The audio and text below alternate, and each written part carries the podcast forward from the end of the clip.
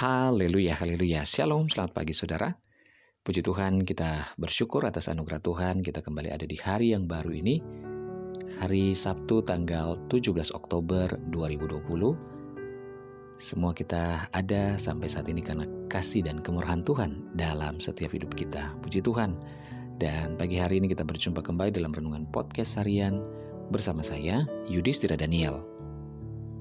Renungan kita pada pagi hari ini berjudul harus bersikap tenang senantiasa. Bacaan firman Tuhan terdapat dalam Mazmur 55 ayat 7 dan 8 firman Tuhan berkata, Sekiranya aku diberi sayap seperti merpati, aku akan terbang dan mencari tempat yang tenang. Bahkan aku akan lari jauh-jauh dan bermalam di padang gurun.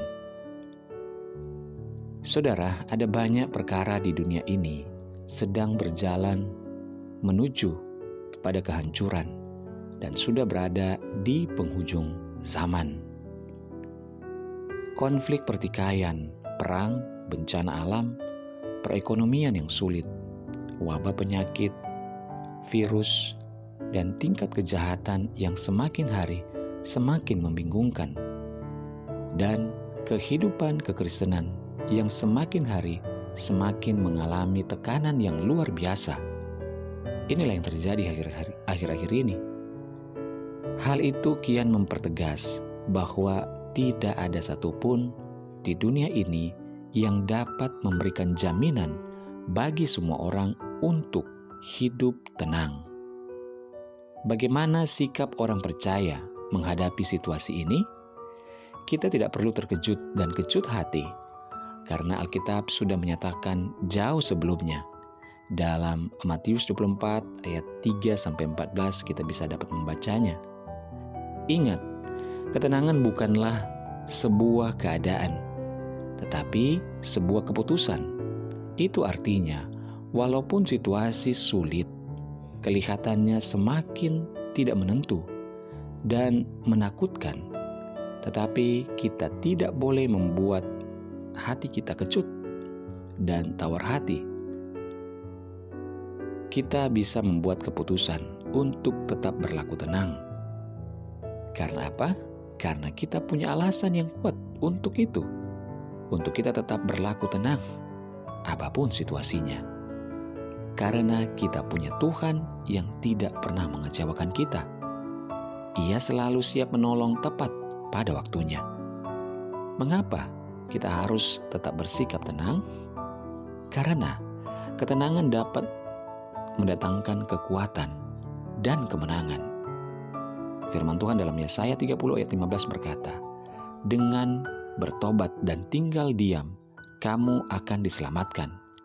Dalam tinggal tenang dan percaya, terletak kekuatanmu. Orang-orang yang mampu bersikap tenang dalam menghadapi segala tantangan dan situasi akan dapat menghadapi segala persoalan. Saudara, kita sering kali dikalahkan oleh masalah bukan karena kita terlalu lemah atau masalahnya terlalu berat seperti Goliat, akan tetapi karena kita sendiri panik, gugup, cemas, khawatir, dan takut. Inilah yang menyebabkan kita menjadi kalah. Orang yang tidak dapat bersikap tenang cenderung selalu berpikir negatif, sehingga keputusan-keputusan yang diambil adalah keputusan yang keliru. Rasul Paulus menasehati dalam 1 Petrus 4 ayat 7 berkata, Kesudahan segala sesuatu sudah dekat, karena itu kuasailah dirimu dan jadilah tenang supaya kamu dapat berdoa. Orang yang tenang dalam doanya bukan hanya menyampaikan apa yang ia mau kepada Tuhan, tetapi juga mendengar apa yang menjadi kehendak Tuhan dalam kehidupannya. Kunci untuk mengalami ketenangan dalam hidup kita adalah tinggal dekat dengan Tuhan, karena Tuhanlah sumber keselamatan bagi kita. Haleluya!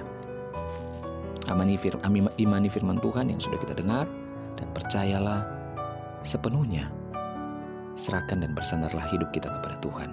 Puji Tuhan, Mulailah hari ini dengan baca dan merenungkan firman Tuhan, hiduplah dalam ketaatan dan ucapan syukur kepadanya.